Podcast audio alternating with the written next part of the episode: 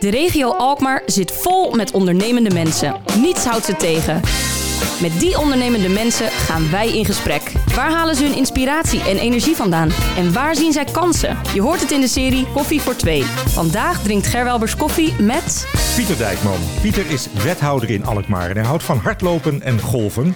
Geboren in Castricum als zoon van een kaasgroothandelaar. En hij woont nu al 22 jaar samen met zijn vrouw en drie kinderen in het schilderachtige Markenbinnen. En dat is de meest zuidelijke kern van onze mooie gemeente.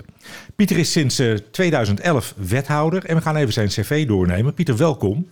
Ja, Eh, dankjewel. Fijn, fijn dat je er bent. Ehm, sinds 2011 wethouder in Alkmaar, hè, neem ik aan. Of eh, ben je ook ergens anders gezeten? Niet helemaal. Ik ben eh, in 2011 wethouder geworden in eh, de gemeente Graf de Rijp. En dat is in 2015 onderdeel geworden van, eh, van Alkmaar.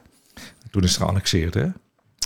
Nou, zo hebben wij dat eh, destijds zat ik in de, in de commissie. eh, Zo hebben we dat niet eh, ervaren. We hebben een paar hele goede punten binnen weten te halen. waar we nog elke dag van profiteren als voormalige gemeente Graf de Rijp. Oké.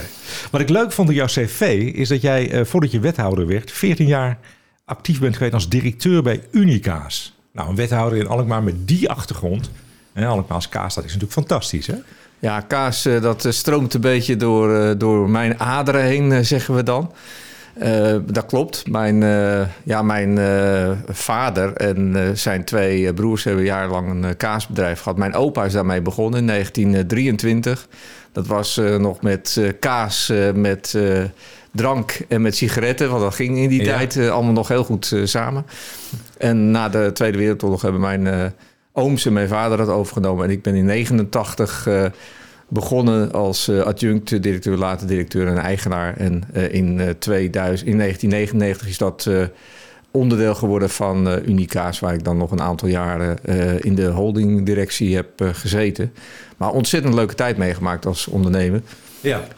Geëxporteerd. We, we deden dat niet. We deden dat ging ongeveer net tot België. En ik ben eh, met het Midden-Oosten begonnen. Dat was nog eh, heel interessant. Zeker ook eh, om stickers te maken in het Arabisch Oh, in ja. het begin.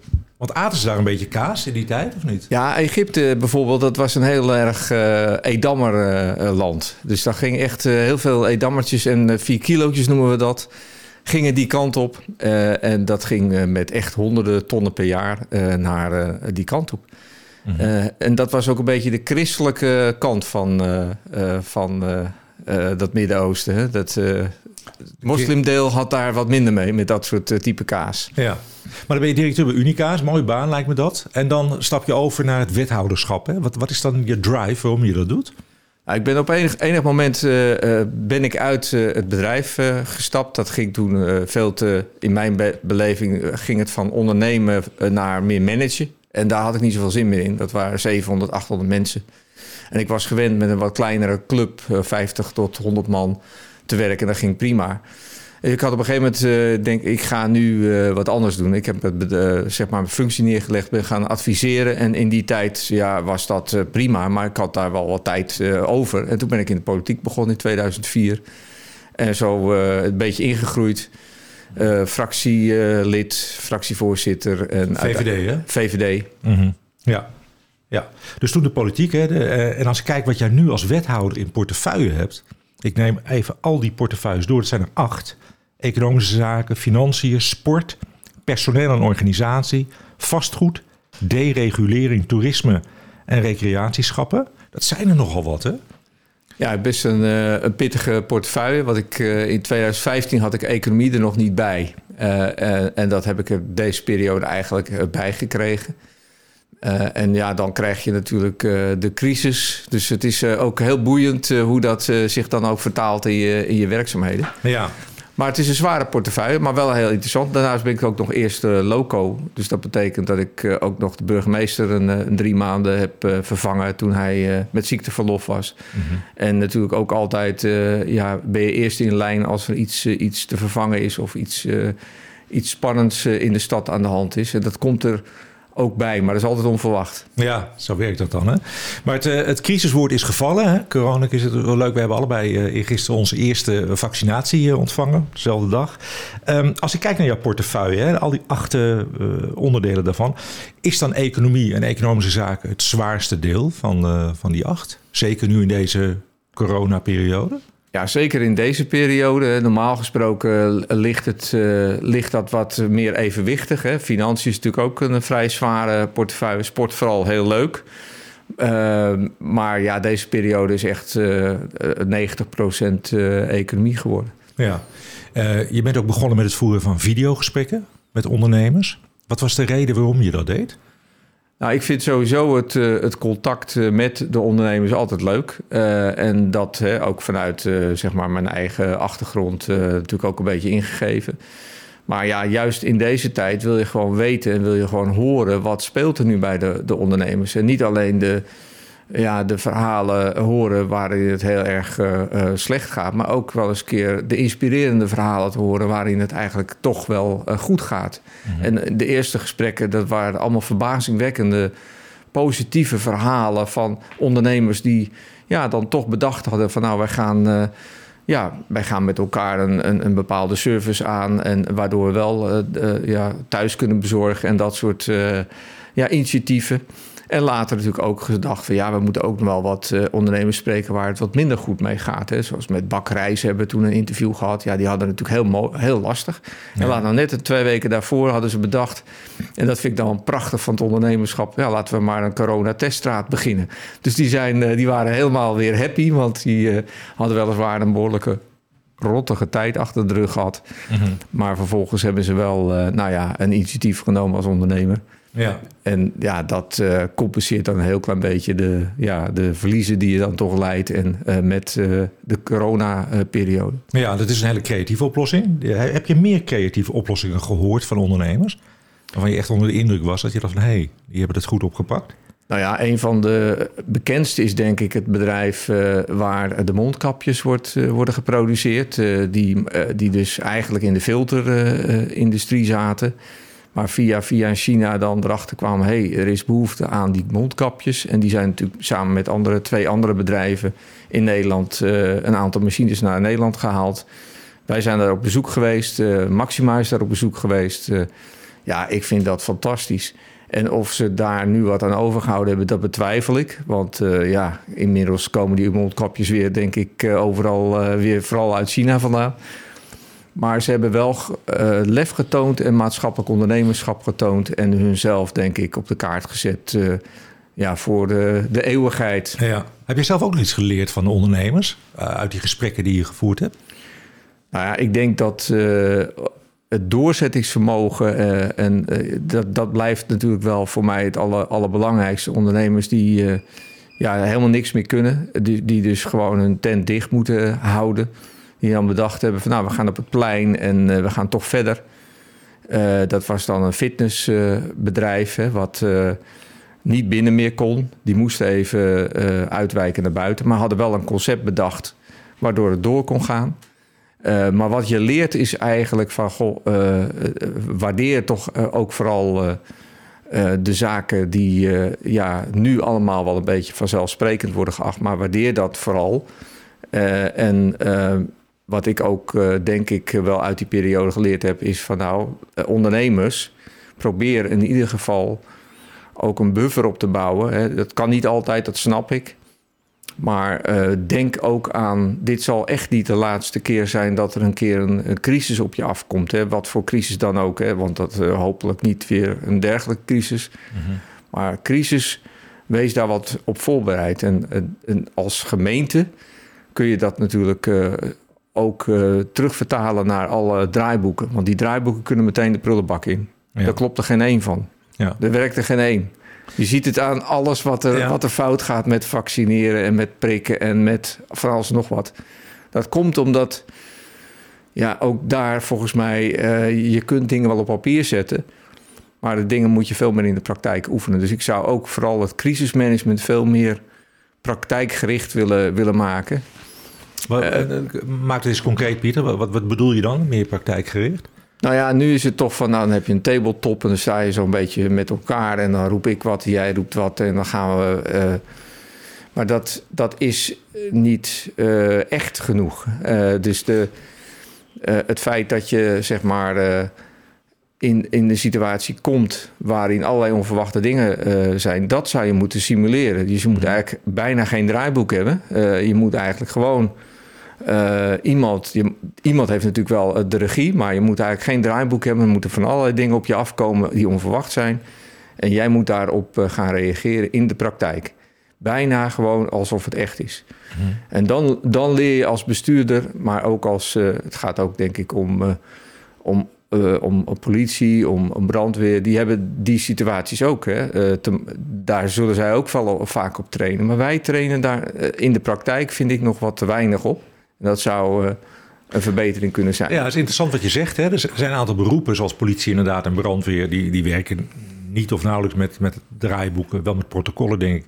Maar iedere situatie is voor hun anders, is, is inderdaad acteren op het moment. Daar pleit je eigenlijk ook voor in dit soort situaties. Als je praat over een vaccinatieprogramma bijvoorbeeld, van laten we meer de mensen die gewend zijn om, om in de praktijk snel te kunnen schakelen, onverwachte situaties het hoofd te bieden, dat we die er meer bij betrekken?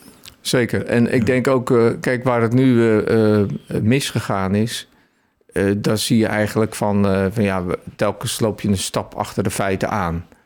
En ik denk dat je nu wel kunt zeggen, we hebben een, real-life casus te pakken met een crisis. Laten we, die, laten we dat draaiboek dan aanpassen en, en klaarleggen. Want dit, als dit nog een keer gebeurt, dan hoeven wij niet meer na te denken over de mondkapjes. Dan hoeven we niet meer na te denken over hoe je vaccineren moet. Uh, Of uh, hoe je. En we hebben heel veel fouten gemaakt. Probeer daarvan hè, te leren met elkaar. Maak daar een, een, een actueel en een werkend draaiboek van. En dat, dat, gebruik dat als leidraad. En probeer ook alvast. dus ook die versoepelingen en, en dat soort type draaiboeken. Probeer die ook naar de toekomst toe uh, te optimaliseren. Zodat als het nog een keer gebeurt, en dat is nooit uit te sluiten, dat we niet in dezelfde fouten stappen als, uh, als nu. Ja. En ik neem, dat binnen, de, binnen de gemeente ook, dat je, dat je die draaiboeken met elkaar ontwikkelt, of in ieder geval die, die, die plannen hebt liggen? Nou ja, Zijn we, voorbereid op hier een crisis? Nou ja, we hebben bijvoorbeeld altijd een draaiboek klaar liggen voor uh, oud en nieuw. Hè? Dus uh, ja, dat was dit jaar natuurlijk ook weer heel anders dan uh, in, in de afgelopen jaren. Maar dat zijn de situaties waarin je nooit precies weet wat er gaat gebeuren. Je weet wel dat je overal alert op moet zijn. Uh, nou, dat is dan een, een, een, meer een openbare orde en veiligheid draaiboek. Maar je zou natuurlijk uh, kunnen werken aan een, een crisisdraaiboek, een economische crisisdraaiboek zoals we dat nu gehad hebben. Ehm, en ik, dat hebben wij niet, laat ik dat maar gewoon mhm. zo eerlijk zeggen. En ik, ik denk ook niet zozeer dat het gaat om wat staat er op papier, maar het gaat er veel meer om hoe kan je als organisatie inspelen op al die uh, zaken? En hoe kan je flexibel zijn en, en, en toch, uh, ja, je, feitelijk moet je je aan de wet houden, dat is logisch, maar wel flexibel uh, binnen de wet. want wij zijn er niet voor. ja, wij zijn er niet voor onszelf. Wij zijn er voor. wij zijn dienstbaar, hè, zeg ik altijd maar aan. Nou ja, dat, dat, dat, een van de voorbeelden daarvan vind ik zelf het, het stimuleringsfonds. Hè. Daar kwam de gemeente heel snel mee, vorig jaar al een fonds uh, anderhalf miljoen euro in werd gestort. En dat juist uh, was bedoeld om uh, de ondernemersdrift weer te stimuleren in de stad. Hè? Om, om mensen met goede ideeën dat, dat, dat setje in de rug te geven zeg maar, om ze te realiseren.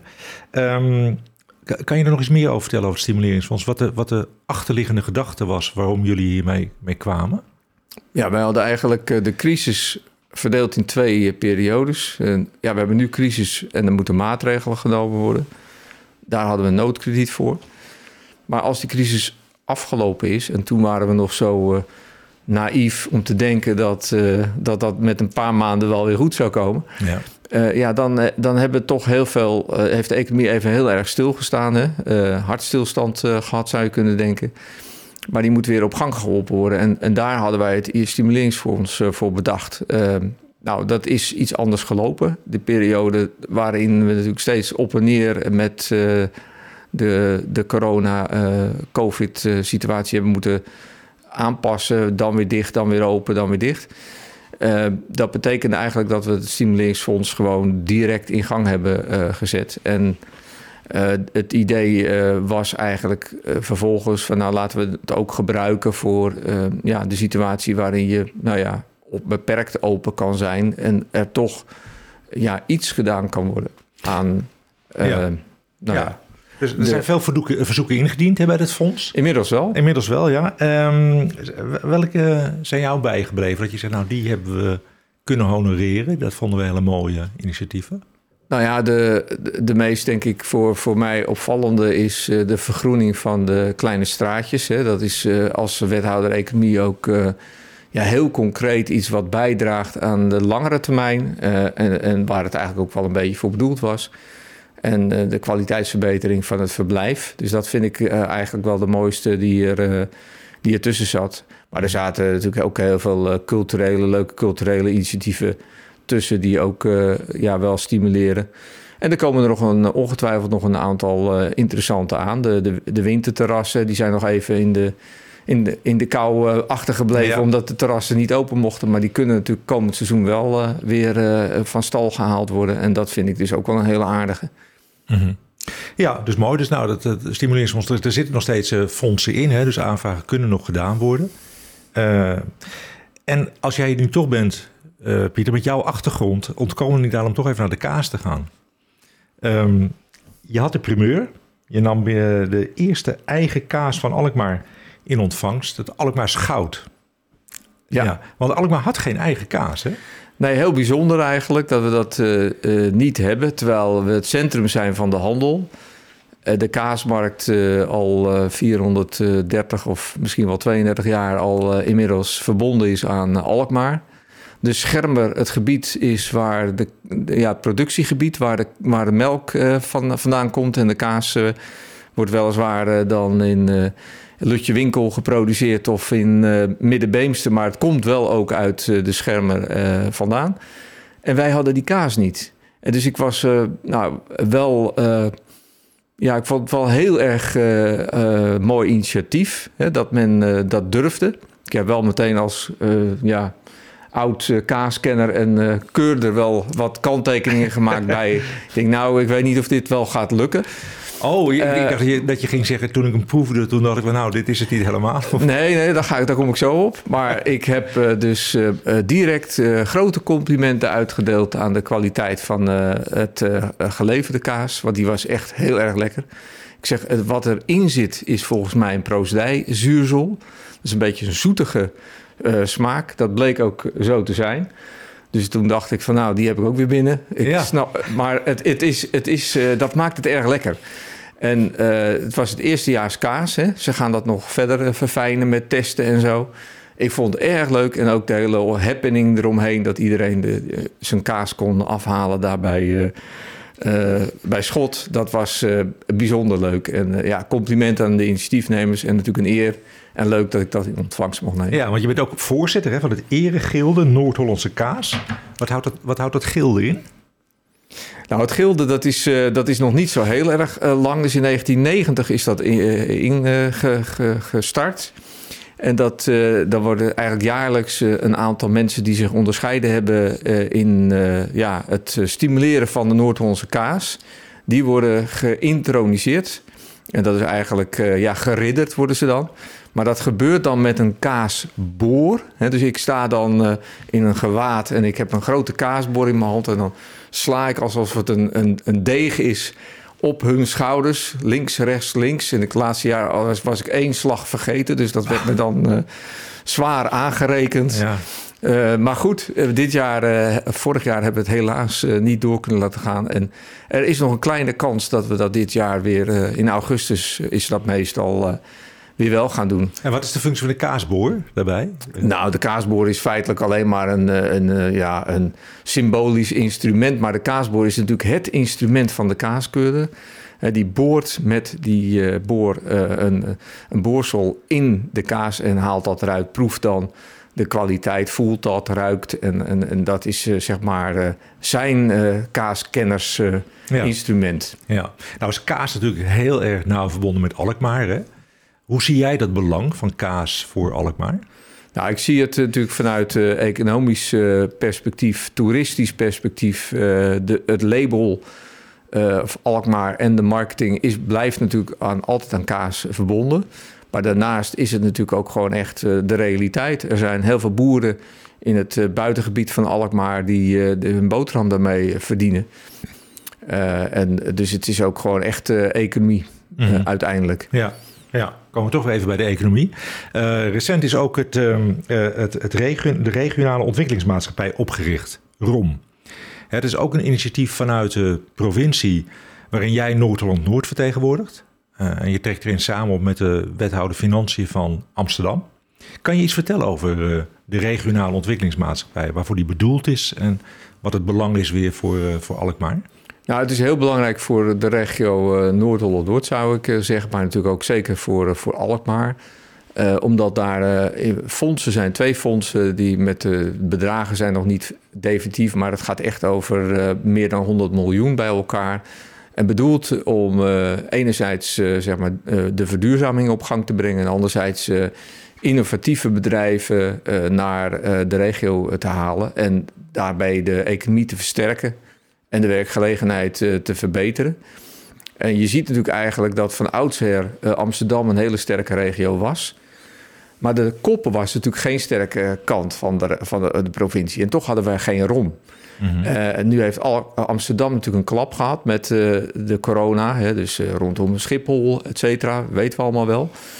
En toerisme is weggevallen.